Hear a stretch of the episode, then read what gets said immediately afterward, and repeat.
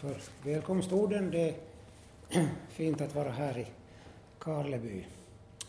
Eh, det här ämnet som jag har fått så är, är inte så alldeles enkelt och därför har jag lagt till också det här där under ett försök att förstå. Så det brukar man göra i akademiska sammanhang för att lite gardera sig, att det inte blir så heltäckande.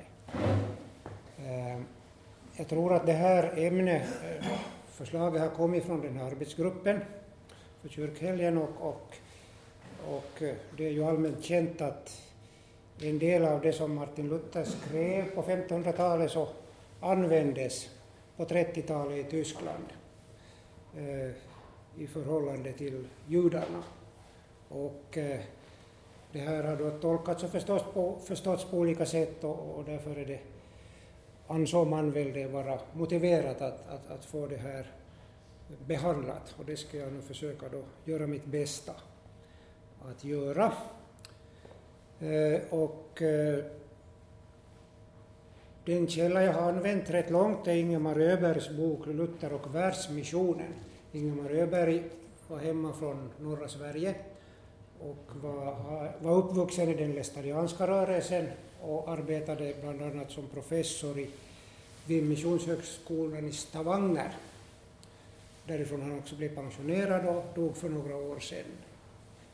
Och han har också varit här på Lästadianernas stormöten vet jag, på 90-talet, bland annat i Esse en gång, kanske också på andra, andra håll. Han eh, var en mycket lärd man och han skrev då, det här var en av hans, inte en sista bok, men näst sista, om Luther och världsmissionen, där han då en stor del av det här är en bibelteologisk utläggning av mission, både GT och NT, och sen, sen drar han då också praktiska konsekvenser, vad det här betyder för förhållandet till muslimerna och judarna. Den här boken innehåller kapitel om det i slutet, alltså praktisk mission sen, att hur, hur kan man missionera bland dem. Och nu gäller det då inte muslimerna utan, utan judarna. Martin Luther och judarna, ett försök att förstå. Och eh, det finns olika skeden i, eh, i Luthers liv. Att han eh, ändrar lite inställning till judendomen. Man märker det i de skrifter han skrev 1514 till 18 fanns det en viss kyla och konflikt där. Sen var han lite positivare då, några år senare, och då var det den här missionsivern som kommer fram ganska tydligt där i de här skrifterna. Och sen ännu lite senare på 20 och 30-talet så, så präglas de här skrifterna av ett hopp om att de ska omvända sig till, till Kristus. Sen kommer mot slutet av hans liv en mera judefientlig hållning igen i några skrifter. Men sen, ännu så sent som några dagar före han dog, så, så finns, finns igen det här positiva och hoppet om, om, om, om bön om att de ska omvända sig till Kristus. Eh, så det finns liksom både, och, både den här kritiken, och ganska fräna kritiken, debatten men sen finns också det här förhoppningarna om att, att, att, att missionen ska nå också dem och många ska bli omvända. Eh, och jag kommer då att gå igenom det här kronologiskt, de här olika skrifterna, och sen en sammanfattning på slutet. Det finns då både en förändring och kontinuitet i det här, hans tänkande. Och det finns bland de som har skrivit om det här lite olika betoningar och lite olika uppfattningar också om de här olika skedena men, i förhållande till judarna. Men, men, men det som man är enig om att det fanns många olika eh, eh, faktorer som påverkar hur, hur han skrev om, om judarna och judendomen. Främst förstås det teologiska, att han läste Bibeln och, och tog det därifrån, men sen också historiska och, och psykologiska orsaker till de här olika inställningarna under de Eh, om vi sen ser på Luthers samtid, han levde ju då i en viss kontext, viss tid, inte något vakuum utan påverkad av, av, av samhället och där eh, behöver man då tänka på det också. Och, och det, här, det han skrev ses i samband med, med hur man under medeltiden och Eh, i hans samtid då såg på judarna och judendomen. Man ansåg allmänt att judarnas Talmud, en av deras eh, skrifter, det är en stor skrift, det finns både babyloniskt och hebreiskt, eh, där det finns mycket om hur man ska leva som jude, och också en del lagtexter. Eh, de här ansågs då av i Tyskland eh, vara en förvanskning av Bibeln, och judarna beskrivs ofta som parasiter och blodsugare, som ockrare och utsugare. Och, och, och det fanns i, i sånger och uppbyggelselitteratur och passionsspel, satir och smedelser, då, eh, där judarna var i, i fokus. Så att det var, det, var, det var det här som var liksom eh, det här allmänna eh, tidsandan. Och myndigheterna gjorde också sitt, kunde begränsa judarnas yrkesutövning, kunde utvisa dem från städer och furstendömen och utfärda också förbud mot deras skrifter och gudstjänster. Och vid enstaka tillfällen kunde man också döma judar till, till, till dödsstraff. Och, och, det kunde hända också att, att, att upphetsade folkhopar kunde, kunde döda judar. Så de var inte högt i kurs. Eh, sen måste man skilja också mellan judar och judar, vad man menar med judar. Och de här Luthers uttalanden så är ju olika beroende på om det gällde eh, Gamla testamentets patriarker, Jesus som var jude, hans apostlar, och Guds egen, de av Guds egendomsfolk som hade trott på, på, på, på Jesus som Messias. Och om de här så uttalar sig reformatorn förstås positivt och, och, och, och också hysa medlidande med dem som har måst lida, eh, till exempel i samband med Jerusalems förstöring. Eh, men den här kritiken och det här som, som det nu handlar om här idag så, så gäller då främst de judar i Luthers samtid som smedade Kristus och, och förnekar evangeliet. Och också det här med ocker och, och ekonomisk utsugning så kommer in i bilden här.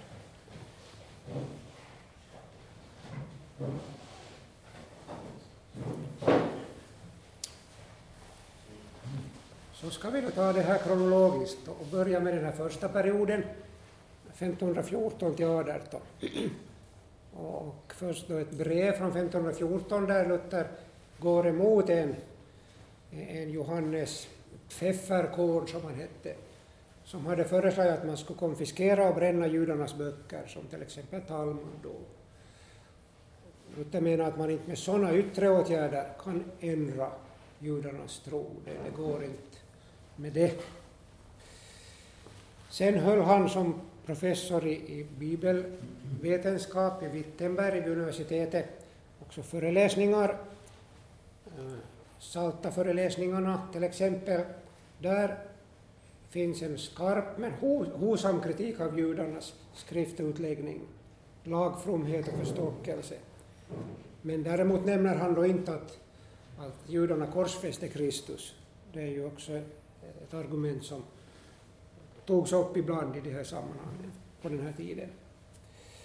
Eh, så kritiken fanns där, eh, men inte så väldigt stark kanske. Sen i Romabrevsföreläsningen, eh, ungefär från samma tid, så kritiserar han judarna för att de inte förstår NTs lära om trons rättfärdighet, men framhåller också att samma sak gäller hedningar och självgoda kristna hycklare, bland annat prästerna, som inte heller förstår de här kristna grundsanningarna. Så att, att en och annan får sig här. Eh, under hela den här tidsperioden så brottas Luther med hur man, om man ska förstå det här Rom 11, 23 till 25 eller till 26 är det egentligen. Så ska förstockelse ha drabbat dem, säger Paulus, och så ska det vara, men sen ska hela Israel bli frälst. Att vad betyder det där? Betyder det hela folket eller betyder det en del av, av, av judarna? Och det här återkommer han till hela tiden. Och, och det här, här så har han inte någon bestämd uppfattning om det där. Men han betonar Jesu medlidande kärlek till sitt egendomsfolk och varnar de kristna för övermod mot judarna och säger att de som kallar judarna för hundar inte kan föra dem till omvändelse. Och här, den här, här, det här andas, den här skriften andas då kärlek och till, till egendomsfolket. Någonting av det där som finns i det här Romarbrevet 9 också, eh, där Paulus eh, har stor sorg och ständig vånda i sitt hjärta. Jag skulle önska att jag själv vore fördömd och skild från Kristus i mina bröders ställe, mina landsmän efter härstamning. Någonting av det här samma, våndan och, och kärleken och omtanken om egendomsfolket finns med här. Välsigna och förbanna inte. Sen då det andra skedet här, 1519 till 23. Leif, Ja, ta tillbaka honom från ja.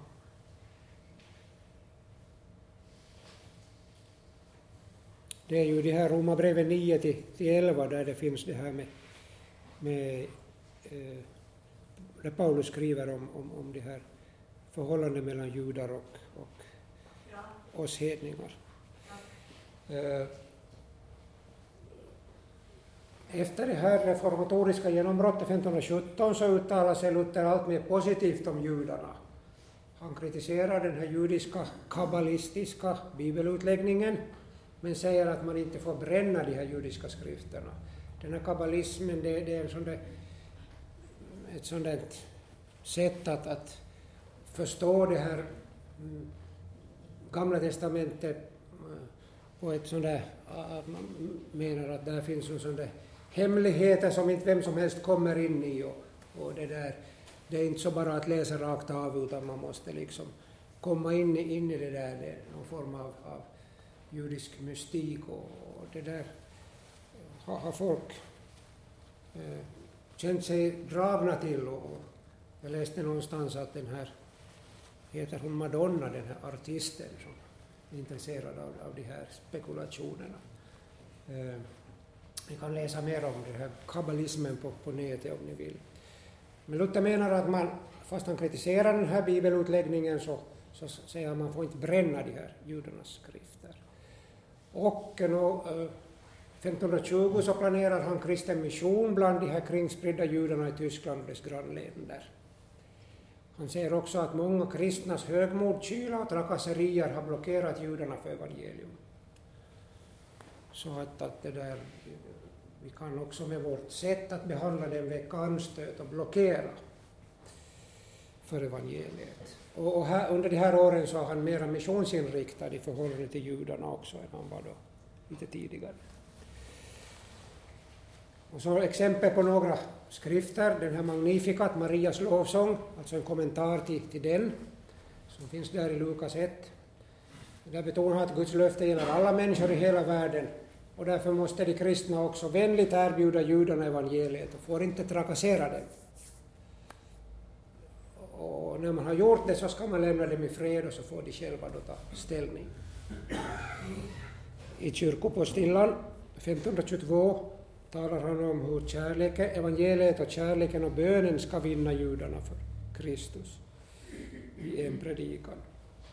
Och han har också en positiv, positiv till det här hela, hela Israels frälsning. Och ber om judarnas stora besökelsetid och Kristi snara återkomst. Och betonar Guds ord och, och, och hans förbundstrohet. Men säger att också kristna missionärer behövs. Så den här missionsaspekten finns med. Och sen en tredje skrift, att Jesus Kristus, ja. ja. ja så där med det höstförkylningen.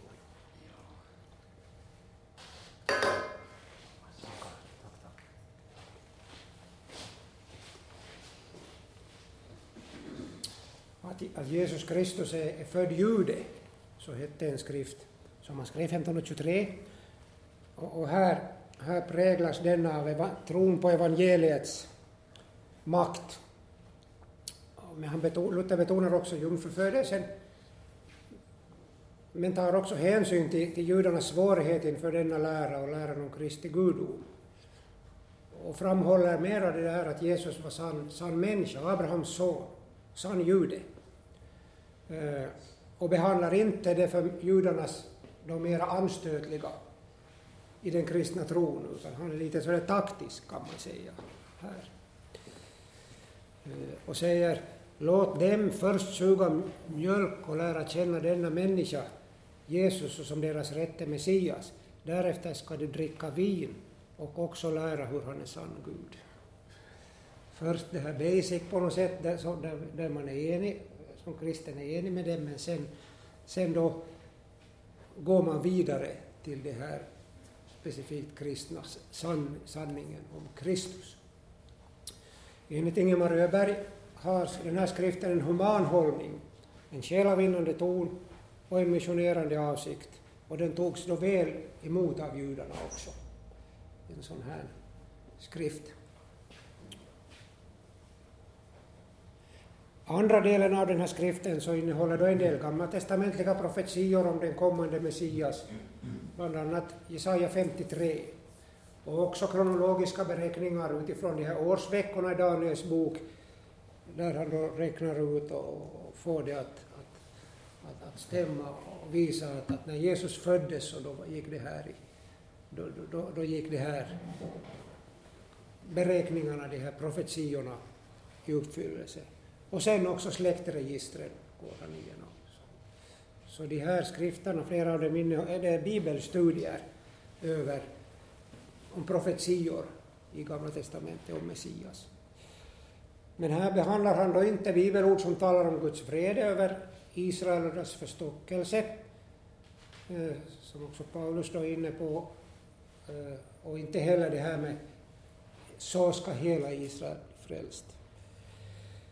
Eh, men han argumenterar utifrån judarnas heliga skrift, Gamla testamentet, och ger bibelargument för mission bland judarna. Denna skrift är en missionsskrift, lärandets och levernets mission, som Ingemar Öberg karaktäriserar det som. Eh, skriften präglas av en positiv hållning av nästan kärlek samt en vilja att förstå hur judarna tänker. Det här är ganska direkt Öberg. Men samtidigt finns det också en strävan att försöka vinna judarna för Kristus. Och det här försvåras ifall, enligt Luther, ifall man behandlar dem hårt och diskriminerande. Vill man vinna dem måste de visas vänlighet och inkluderande kärlek.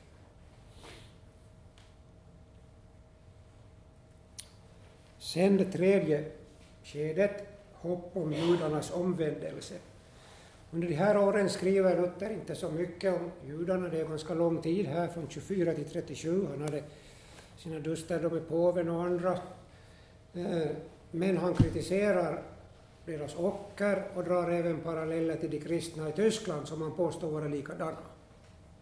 Så att han ger liksom, ja, jag menar det är inte speciellt här med det här ocker till exempel, Eh, judarna, utan det där sysslar kristna tyskar med också.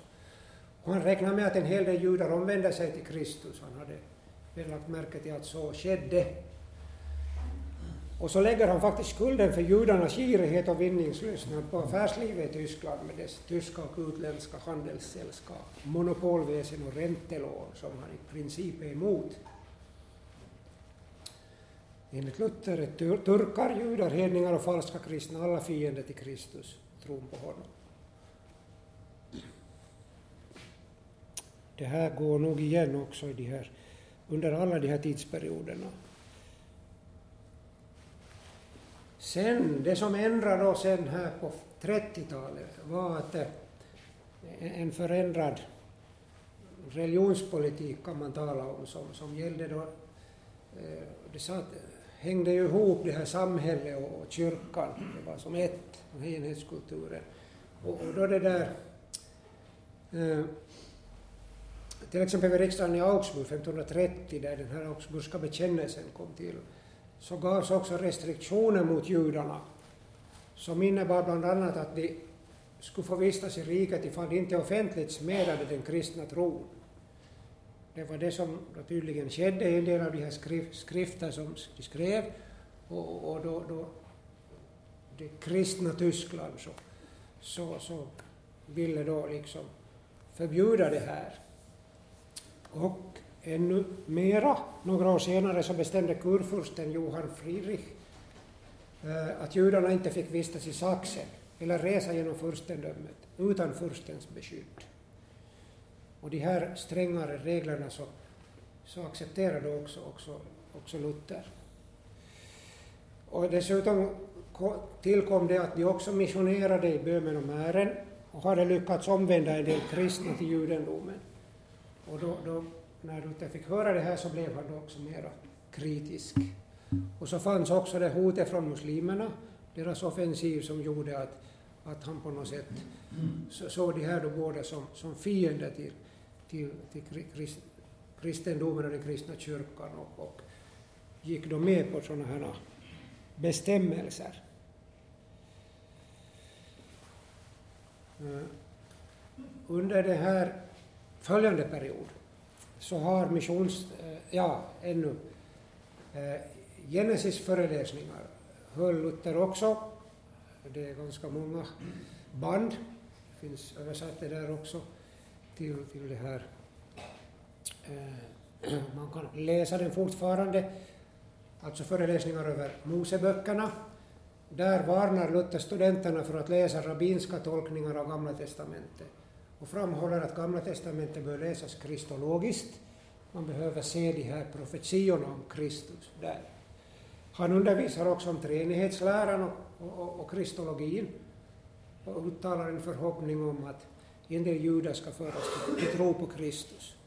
Så det här finns med det här att han försöker visa att det, att det handlar om Kristus i Gamla testamentet eh, och hoppas att, att det här ska liksom då påverka en del så att de ser det här, att, Christ, att Messias har kommit i och med Jesus från Nasaret. Eh, Sen eh, i ett brev till Josef von Rosheim vägrar han Eh, det var en talman för judarna i Tyskland han vägrar att lägga ett gott ord för, för, för eh, judarna inför kurfursten därför att de har smädat Kristus under 1500 år och försöker omvända kristna. Så därför vill han inte hjälpa den här talesmannen då. Men uttrycker också här en önskan om att vinna judarna för Kristus genom apologetik och genom förkunnelse och betonar också vänlighet, vikten av vänlighet mot dem. Men, men han är också irriterad över den här proselytismen, att de försöker vinna kristna för judendomen. Sen då den här sista perioden i Luthers liv, eh, där har missionstanken då en, en svagare ställning än i de här tidigare framhåller Ingemar Öberg, som jag alltså rätt långt följer här. Vidare de sabbater, som mot de här eh, sabbatisterna som håller på eh, fast vid lördagen istället för, för söndagen som de kristna, då som vilodag. Den här tillkom efter rykten om judarnas proselytism i Mären och översattes till latin av Luthers vän Jonas Justus som hoppades att skriften skulle kunna läsas då också till exempel i Italien och inte bara i Tyskland. Han har, här har Luther då inte något stort hopp om att de ska vinnas för Kristus, men försöker ändå visa att, att de här profetiorna i GT, de, de syftar på, på, på, att Kristus är den här Messias som, som, som skulle komma. Eh, den här skriften har också ett apologetiskt missionerande syfte och litar på Guds ords kraft samtidigt som han är återhållsam med polemiken. Eh, och han säger också att fastän judarna är envisa och håller på sitt så får man inte ta våld och döda dem.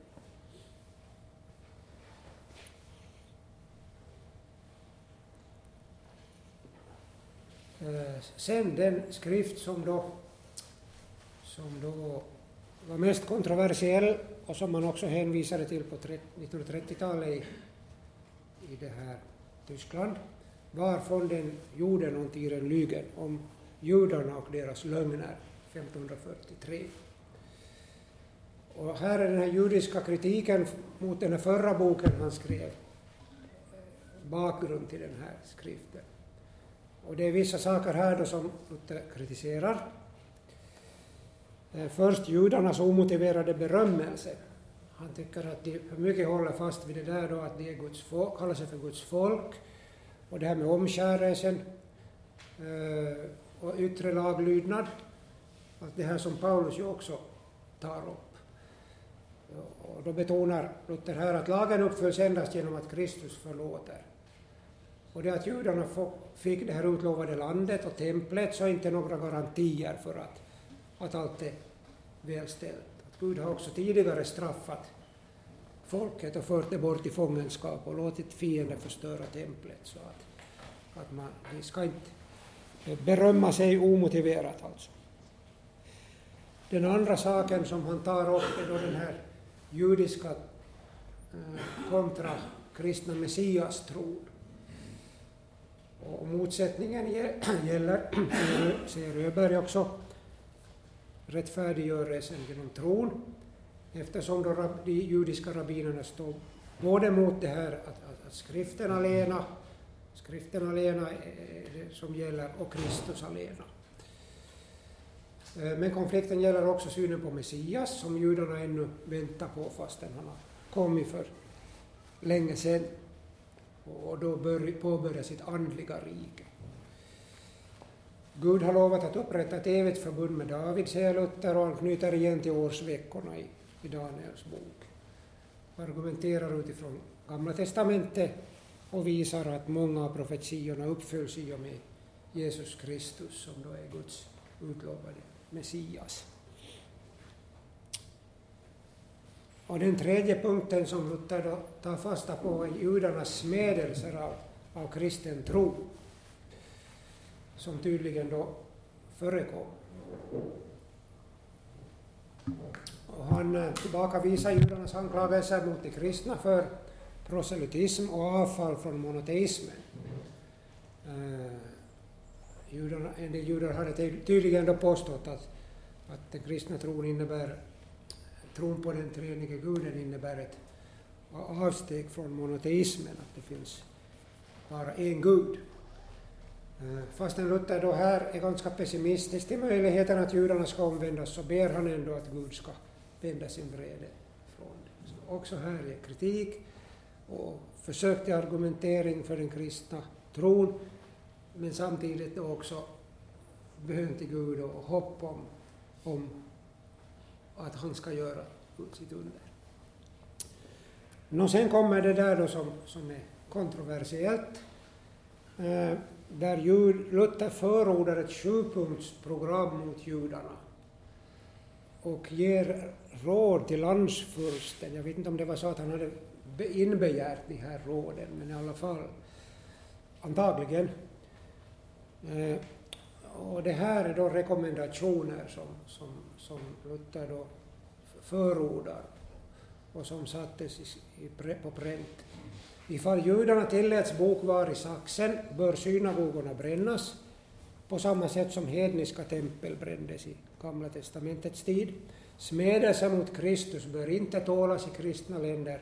Judarnas heliga skrifter, Talmud, bör brännas och man bör förbjuda rabbinerna att undervisa Eh, samt också att, att offentlig gudstjänst inte bör ske i Tyskland utan i Israel. Vad var Israel då? Ja, bra fråga. Fanns inte.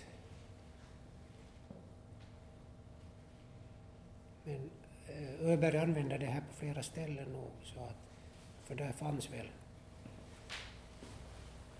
nog en hel del judar.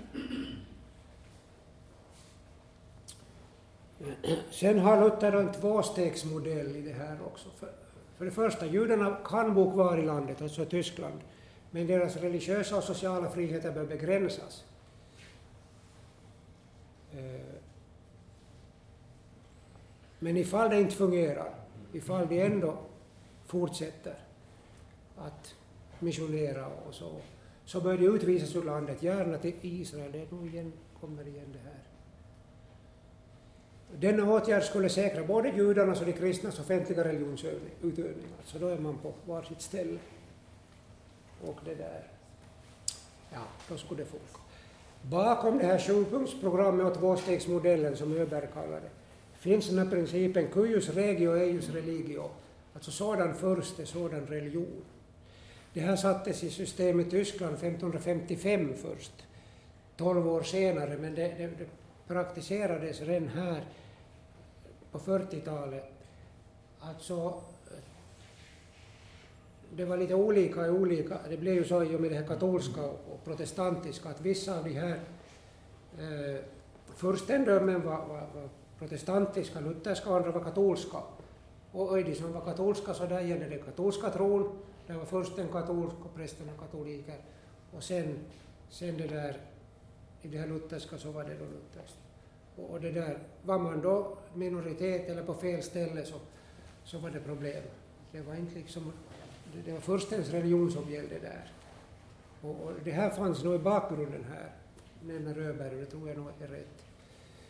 Uh, och, och det här andra steget skulle bäst garantera både de kristnas och judarnas religionsutövning. Tanken bakom detta, och det här är nog också ganska mycket från Öberg, är att Luther argumenterar utifrån den här tanken på, på en unum corpus christianum, den här kristna, eh, Kristi kroppstanken. Att Tyskland är ett kristet land och där ska folk eh, undersåtarna, eller undersåtarna hylla folkets och landets religion, som då ansågs hålla samman den här, eh, hålla samman nationen. Det var ett sånt kitt, religionen var ett kitt som höll samman det. Och började där då fanns det olika religioner så, så, så, så var det frågan om huruvida, huruvida eh, landet kunde hålla samman politiskt. Och lite samma, samma, om vi hoppar till, till 1800-talet så var det också så att, att eh, eh, när de här inomkyrkliga väckelserörelserna uppstod i, i vårt land så var man ju från kyrkans sida ganska mm, ja, förhöll sig lite olika till den. Så har det varit, varit också sen dess och idag ännu. Och, och, och det här, det lär ha varit så att, att ärkebiskop Melartin, som han hette då, var ganska positiv till, till de här väckelserörelserna. Men sen hade tsaren hört någonting om det här. Han visste väl inte riktigt vad det var, men i alla fall att det, att det var lite oroligt i finska Sion. Och då hade han kallat till sig ärkebiskop Melartin. Och efter det här, den här audiensen så, så, så skärpte Melartin sin, sin syn på, på, på det här väckelserörelserna och skickade bland annat Fredrik Gabriel Hedberg som fängelsepräst till Uleåborg och, och Renqvist hamnade till Svartholm och så vidare. Och, och där fanns nog där fanns nog en rädsla för att, att, att om det börjar jäsa och bubbla och bli liksom splittringar på något sätt så, så, så, vet man inte hur det går heller med den här politiska enheten i riket. Nåja, eh, här, här är sen en sak så, som vi också behöver nämna här att, att enligt Luther måste man skilja mellan den personliga tron och dess utövning. Ingen kan tvingas att tro på ett visst sätt. Eh, överheten, myndigheterna råder inte över själen och hjärtat och tron. Eh, så att det kan man inte som påverka, men, men, men däremot då det här officiella. Och prästerna ska enligt Luther upplysa re, regenterna om att dessa inför Gud är skyldiga att förbjuda judarnas ocker och hindra dem att smeda Kristus. Här går det in i varandra det här, det här med, med, med deras affärsverksamhet som man inte uppskattar och sen det här smedelsen av Kristus. Nå, sen äh, lite, tänkte säga, skämt om allvarliga ting, men Öberg har synpunkter på den här sista skriften. Den eländiga vokabulären i skrifterna 1542 till 43 beror på kampsituationen men den smakar nog även något av den suckliga Luthers gubbsurhet. Är de sjukliga? Nej. Jo, det måste vara det, ja. Precis. Jo. Det är bara att oförbehållsamt beklaga och avvisa det av Luther till furstarna riktade så kallade sjupunktsprogrammet för behandlingen av judarna, även om det har paralleller i Luthers samtid. Och sen det här sista. Vi bör nog följa reformatorns råd och begrava sådant han till äventyrs lärt mot skriften, hela tio alnar under jord. Detta är sex meter.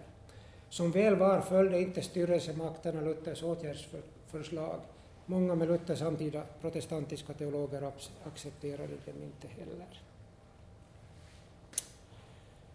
Men sen säger då Öberg också, och här kopplar han då till, till hur de här användes i Tyskland på 30-talet. Jag ska komma till det här i slutet lite också. Det råder bland forskarna stor enighet om att Luther aldrig velat bana väg för något som liknar andra världskrigets koncentrationsläger och holocaust, som nog en del ytliga betraktare velat se saken. Man bör observera att Luther för mord, ocker och offentlig hädelse räknar med hårda straff från de styrandes sida. Men här, det här gäller givetvis för judar och tyskar samma regler. Så att när det gällde hårda straffen och det här så var det, var det inte bara det här judarna det, det gällde. Guds makt att omvända judarna. Eh, det gäller då också just den här, eh, det här han dog 1543, reformatorn. Eh, fastän Luther inte är så optimistisk beträffande judarnas omvändelse i den här sista skriften om judarna och deras lögner, så menar han ändå att en och annan jude kan tänkas bli omvänd genom Kristi ord och ordets makt.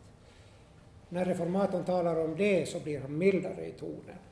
Att det finns någonting av det här också, här samtidigt med det här hårda, parallellt med det här eh, hårda och de, de här råden då, eh, som han ger.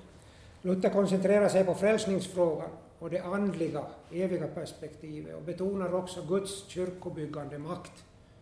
Med stöd av Gamla testamentets profetior talar han, profetior talar han om det nya gudsfolket, Kristi kyrka, som består av både judar och hedningar och som har sin enda grund i tron på Kristus. Han avslutar sin polemiska och hetska skrift med en bön om, till Gud om judarnas omvändelse.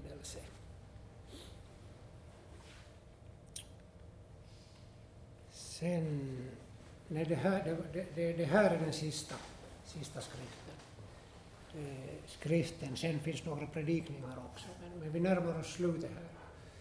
Det här har att göra med, med, med, med Kristus och de här, eh, de här också släktregistren eh, och, och, och bygger på, på en antijudisk skrift från 1529. Luther kritiserar här den här judiska mystiska skrifttolkningen, eh, den här kabbalismen, och för fram bevis för att Maria var av Davids släkt samt att hon var jungfru och hon födde Kristus. Här kommer han in på, på det här som han var inne på också i de här första skrifterna. Han har ett litet hopp, eller har ett, ja, ett litet hopp om att skriften ska hjälpa enskilda judar till tro. Men här avvisar han då tanken på en allmän judeomvändelse som man hade räknat med tidigare, kunnat räkna med tidigare. Men en rest ska bli frälst. En rest av, av det judiska folket ska, ska bli frälst innan Kristus kommer. Och här är han då mildare i tonen än i sin förra skrift. Och Öberg säger någonstans, om jag minns rätt, att, att, eh, att han, man kan ana att han ångrar de här hårda orden i den här och skriften om, om judarna och deras lögner. Och så här slutar den här skriften. Den som vill omvända sig, give Gud nåd till att de, dock några, med oss lär känna och lova Gud Fadern, vår skapare samt vår Herre Jesus Kristus och den helige Ande i evighet. Amen.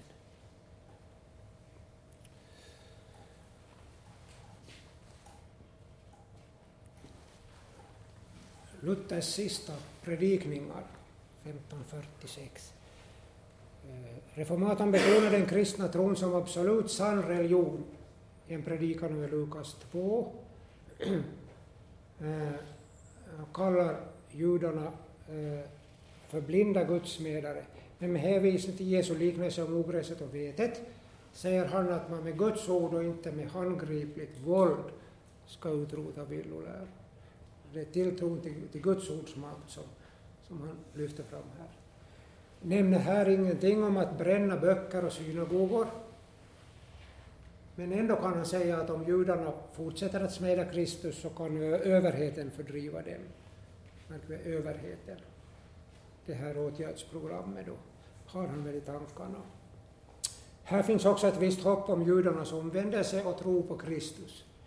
Missionsperspektivet finns med.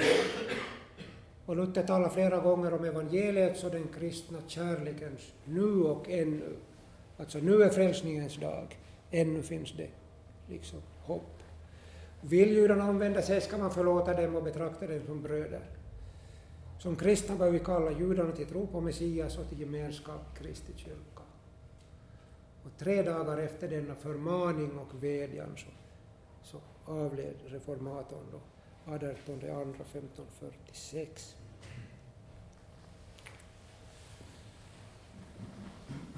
Här har jag försökt sammanfatta det här.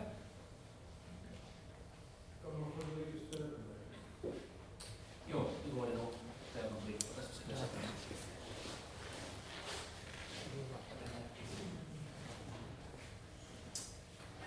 Ja, lite kärrt. Är det nu kärrt? Ja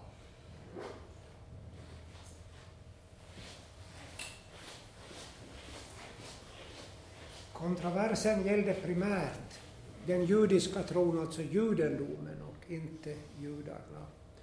Fastän dessa förstås också hamnade i kläm på grund av myndigheternas beslut så inte kan man helt skilja det från varandra. Men det var hela tiden det här deras eh, tro som Luther då eh, inte kunde ac- acceptera fastän vi har, man har det gamla testamentet gemensamt.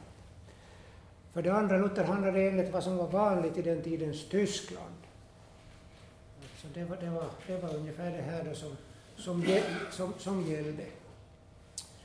Eh, I kont- tre, i kontroversen fanns teologiska, historiska, politiska och psykologiska faktorer med. Som det ju ofta är. Att det, det, det finns i sådana här sammanhang, och i alla sammanhang där vi människor är så är det, så, så är det, är det liksom, går det in i vartannat, ett och annat. Fyra, och det här är då viktigt att komma ihåg, om vi tänker på det här att försöka förstå det här, fast man inte, jag vill inte försvara någonting utan det är fråga om att förstå. Att på den tiden fanns ingen religionsfrihet i nutida bemärkelse.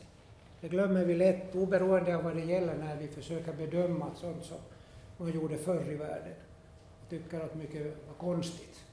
Och, och det där. Men det skulle gälla att försöka då, då sätta sig in i den här situationen. Och det här gäller också det här. Det här framhåller Öberg också flera ställen. Den här principen, cuius regio, eius religio, gällde, eh, gällde då liksom i Finland, kan man säga, till religionsfrihetslagen 1923. Det, det, jag såg något citat från, jag tror jag har det här, eh,